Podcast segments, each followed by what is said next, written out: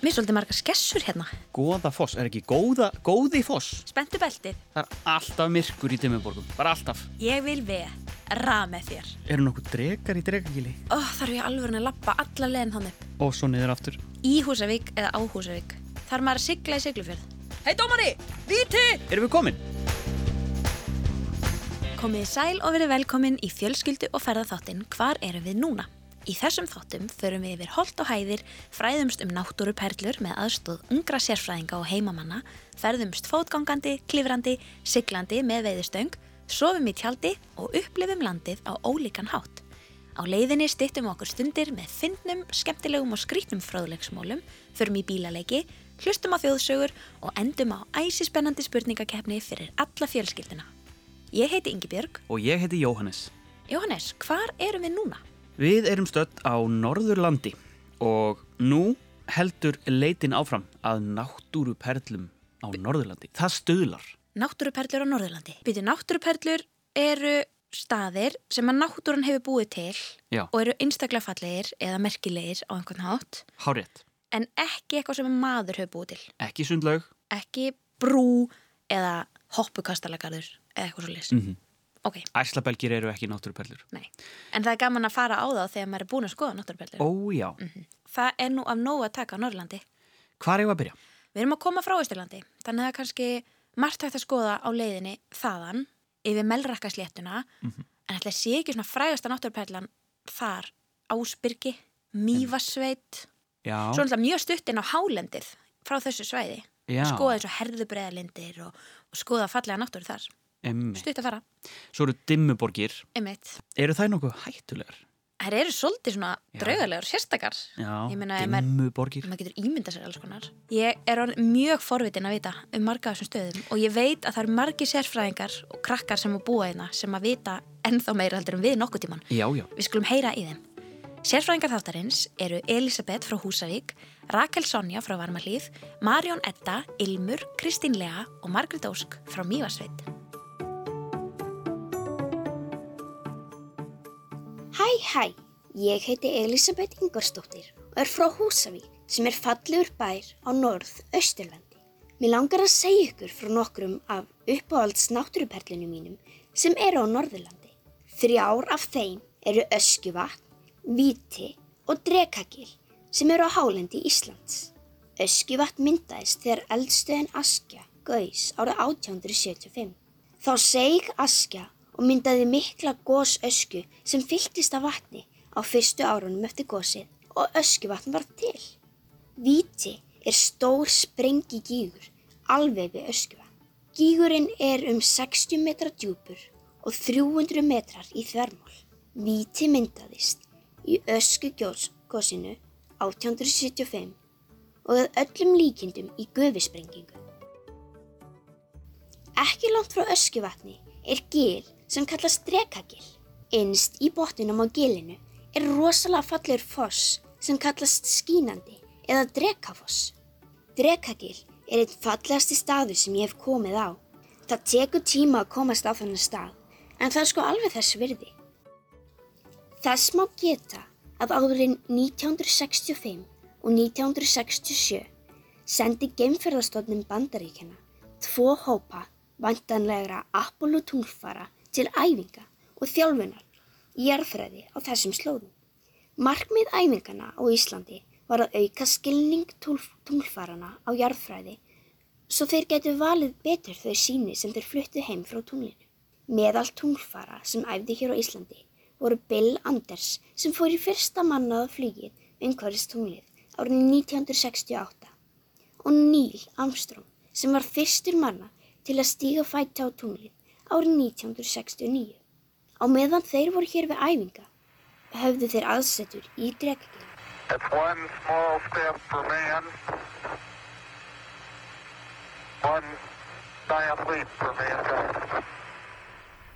Vissir þú að hvítserkur, sérkennilegi kletturinn við Vassnes, er svona hvítur vegna þess að það eru óteljandi fuglar búinir að skýta á hann? Þetta getur ekki verið satt. Jú.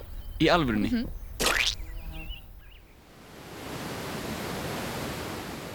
Dettifoss er vassmesti foss Evrópu og aflmesti foss Ísland. Hann er 45 metra hár og rúmlega 100 metra breyður og er í jökulsá á fjöllum. Það er mjög áhrifamikið að ganga að Dettifossi. Drunurnar verða alltaf hærri og hærri og jörðin skelfur og titrar. Sumum þykir fossin enn kraftmeira að austanverðu en sjónarhornið er ólíkt að vestan og austan. Mér finnst þessi foss rosalega fallegur en hann getur líka verið hættilegur og það þarf alltaf að fara varlega. Hæ, ég heiti Rakel Sonja og er frá Varmahlíð í Skagafyrir sem er á Norðurlandi. Uppáhalds náttúruperlan mín á, á Norðurlandinu er bólugil. Það er hrikalegt en fagurt gil og niður þar hennu bóla og mynda sjö fossa. Samkvæmt þjóðsugum er hellir bak við eitt fossin og að hafa búið tröllskessan bóla í hellinum sem stál búfjana frá nærleikjandi bæjum sér til matar. Jörðin bóla og bólugir er nefnd eftir tröllskessunni. Þetta er skemmtileg stund sem hægt er að eiga með fjölskyldinni og er ekki erfi ganga og spillir ekki fyrir útsýni er hreint stórkoslegt það sem gili sessli allri sinni dýrð og einni er útsýni yfir sveitina.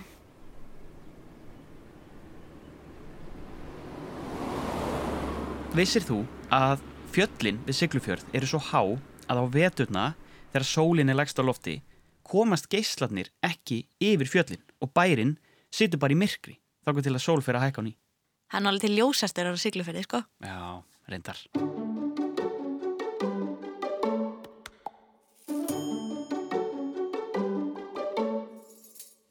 Hæ, ég heiti Marjanetta Stefansdóttir og er frá Mjótsveit sem er á Nóðurlandi. Uppáhalds náttúruperla mín á Nóðurlandi eru Dimmuborgir. Það er mjög gaman að lappa um borgirnar og fyr, virða fyrir sér allar þessu stóri og skrítnu hraunmyndanir. Það er hægt að velja á milli margra göngustíga, mist langra og erfiða. Ég held að öllum sem heimsækja borgirnar mun að finnast það gaman því það er til dæmis hægt að fara í gegnum gataklett inn í alls konar hella og sjálf kirkuna en hún er líka á hraunni. Svo búa jólasynjarnir í Dimmuborgum þar líka þar og það er rosalega gaman að heimsækja það því þeir eru svo fyndir og skemmtilegir. Mamma mín er leiðsögumæður og hún segir stundum útlendingum að það séu tvær sögur um hvernig Dimmuborgir eru til og leifir þeim svo að velja hverju söguna þeir telja að sé sönn. Fyrir sagan er svo að fyrir 2000 árum síðan varð Elgós í Lútensborgum og Þrenglasaborgum. Hraunir frá þeim rann í læðina þar sem Dimmuborgir eru. Setni sagan er skemmtilegri finnst mér en hún er svona. Það bjóð tröll í Mývatsveit. Þessi trölli leittist allt í einu rosalega mikið. Svo það ákvaða að halda parti og bjóða tröllum úr söðri, tröllum úr vestri og tröllum úr östri að koma og skemmta sér. Tröllin komu öll úr og var það mikið og gott parti. Allir skemmtu sér konunglega og leittist tröllinni úr nóðri ekki lengur. En tröllin gleyndu sér í glæskapnum og eins og allir vita verða náttúrulega steini ef sjólarlega skýna á þau. Þannig að segja má að Dimmuborgir séu söguslóðir náttúrulega sem heldu eftirminnlegt partí. Hvor sann haldi þið að sé sann?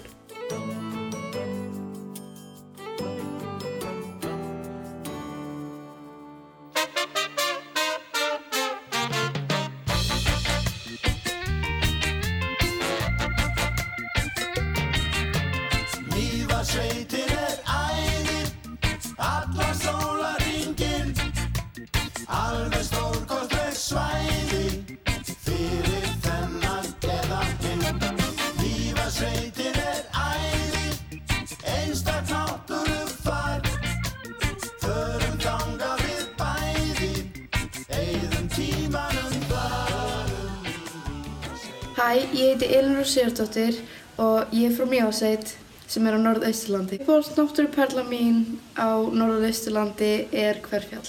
Hverfjall er uppáhalds náttúruperla mín vegna þess að hún er einstök og spennandi. Fjölskyldur ætti að skoða hana vegna þess að myndun fjallsins er merkileg og svo er einnig ekkert það erfitt að lappa upp. Það sem ég veist sérstakt um Hverfjall er að þetta er stærsti gjóskugígur á jörðinni og að hann myndaðist bara í einu sprengigósi. Einnig er talið að það hafi bara tekið rétt rúmlega 48 klukkustundir fyrir hann að myndast. Hæ, ég heiti Kristín Lega. Ég kem frá Mýjasveit sem er á Norðausturlandi. Uppáhaldsnáttúruperla mín frá Norðausturlandi er höfði. Vegna þess að það eru skemmtilega göngulegir og þetta er einnig einstök náttúra. Það sem er sérstætt við höfða er að hann er eiginlega eiga en samt landfastur með miklum og þjættum gróðri. Það var engan sérstakann búnað til að njóta náttúruperlunar en best er að vera í góðum fatnaði og góðum skó. Hæ, ég heiti Margrét Ósk, ég er frá Mjósveit sem er á Norðausturlandi. Uppáhalds náttúruperla mín á Norðausturlandi eru Dimmuborgir. Vegna þess að það er fallegt þarna og gaman að ganga hringina og skoða raunnið. Mér finnst að krakkar og fjölskyldur ætti að fara þangað því að það er fallegt og gaman að ganga hringina. Og í desember er hægt að hitta jólasveinuna sem búða þar.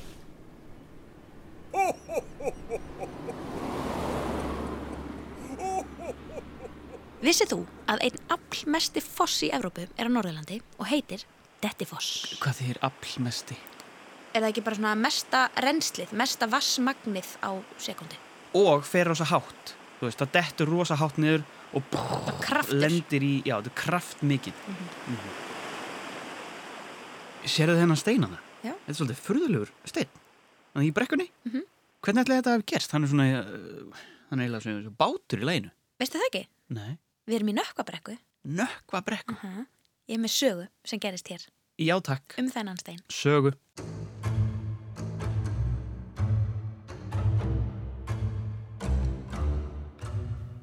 Einu sinni fyrir langa lungu bjó Skessa í landi mývetninga, þar sem í dag heitir Skessuhali. Hún var náttröll en þau koma út á nóttunni og mega alls ekki komast í tæri við dagsljós, því hvað gerist þá? Þau verða að steini. Náttröll verða því að vinna og veiða sér til matar á nóttunni. Skessan var sífælt til vandræða og lagði það í vana sinn að stela fiskinum á besta veiðistað mývetninga á nóttunni. Það var sagt að hún ætti lítið nökkva en það er gamalt orð yfir bát og sérstaklega tröllabát eins og hennar. Hún átti að hafa tekið bátinn sinn, róið honum út á mývatn og borið hann svo á bakinu heim til sín undir morgun, rétt áður en sólinn kom upp.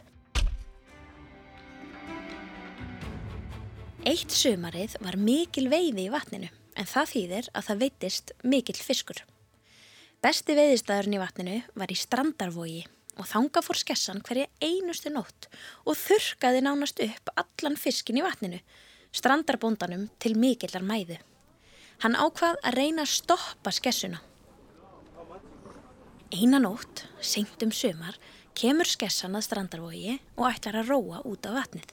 Þegar hún kemur þangað, sér hún að bóndin er þar ennþá, að veiða um miðja nótt. Hún þorir ekki að fara nær vegna þess að bóndin er með þrjá menn með sér.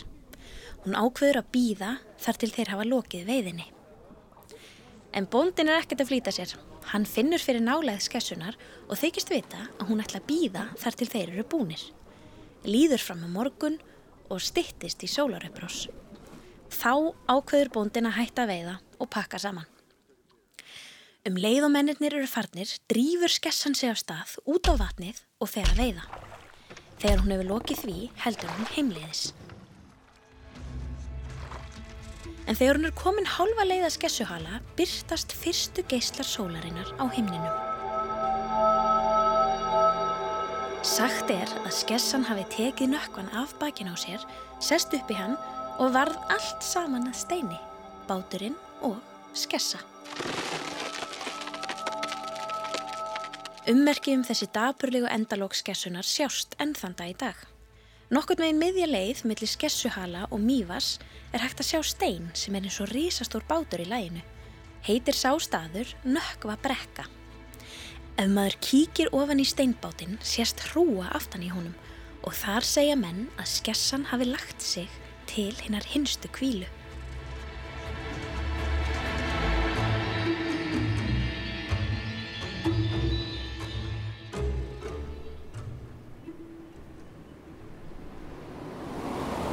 Ef við komum í smá bílleik Já. uh, Hvaða lag er þetta?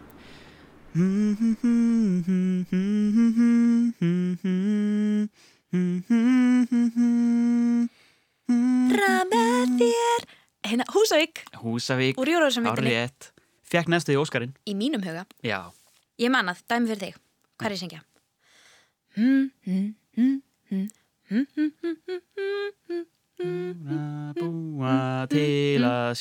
Göngum, göngum, göngum upp í gilið Gljúfra búan til að sjá Já, hvað heitir það lag svo? Göngum upp í gilið Ó Fara og glitta, sillu svart í krummi Liggur hjá Bum, bum, bum,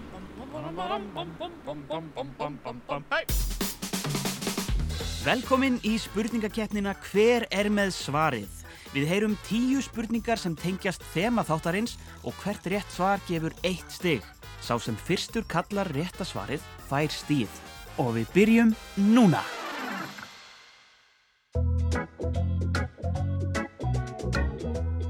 Sagt er að álög kvíli á einni málmei í skagafæði. Þar má enginn búa lengur en í 20 ár. Þanga má heldur ekki koma ákveðið húsdýr því þá sé hætta á að húsfreyjan geti brjálast eða jafnvel horfið. Hvaða dýr má ekki koma í málmei?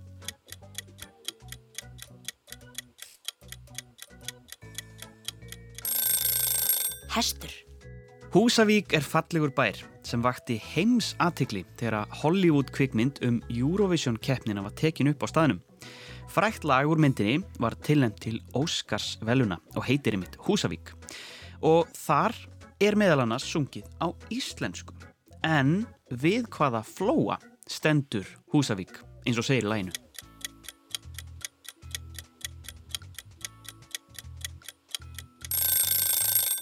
Skjálfanda. Elisabeth á Húsavík sagði hér áðan frá öskjuvatni. Hvernig myndaðist öskjuvatn?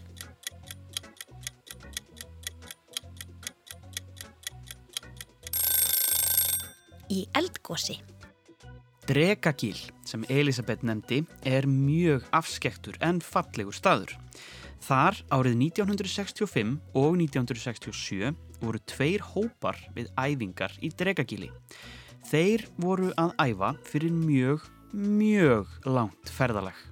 Hverjir voru við æfingar í Drekagíli?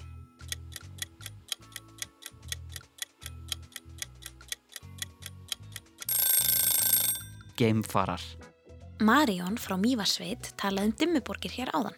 Það er dularfullur staður með stórum hraunmyndunum. Talið er að hraunið sé um 2000 ára gamalt. Þar er talið að búi verur sem aðeins láti sjá sig kringum jólaháttíðina. Hvaða verur eru það?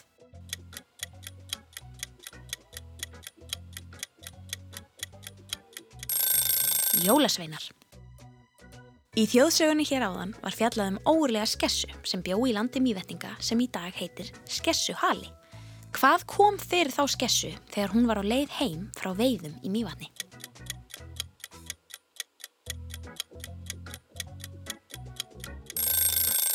Hún varð að steini. Hvaða krútlegu loðbolta má gjarnan sjá stinga upp höfði úr sjónum við kvamstanga?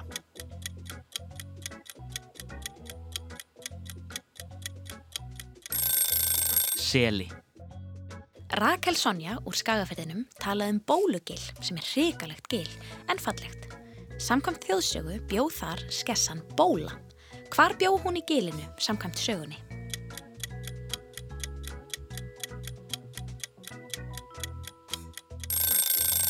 Í helli bak við foss. Borgarvirki og hvítserkur eru áhugaveri staðir til að heimsækja. Nálagt þeim er stórt nes sem er nefnt eftir hvaða efni eða loft, vatn, jörð eða eldur.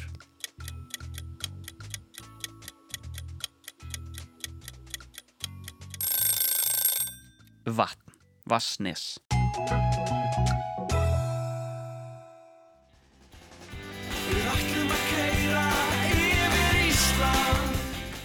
Nú kveðjum við Norðurland og höldum áfram ferðalæginu. Við þökkum sérfræðingum þáttarins en það voru Elisabeth frá Húsavík, Rakel Sonja frá Varmalíð, Marjón Edda, Ilmur, Kristín Lea og Margrét Ósk frá Mývarsveit. Næst skoðum við náttúruperlur á Vesturlandi.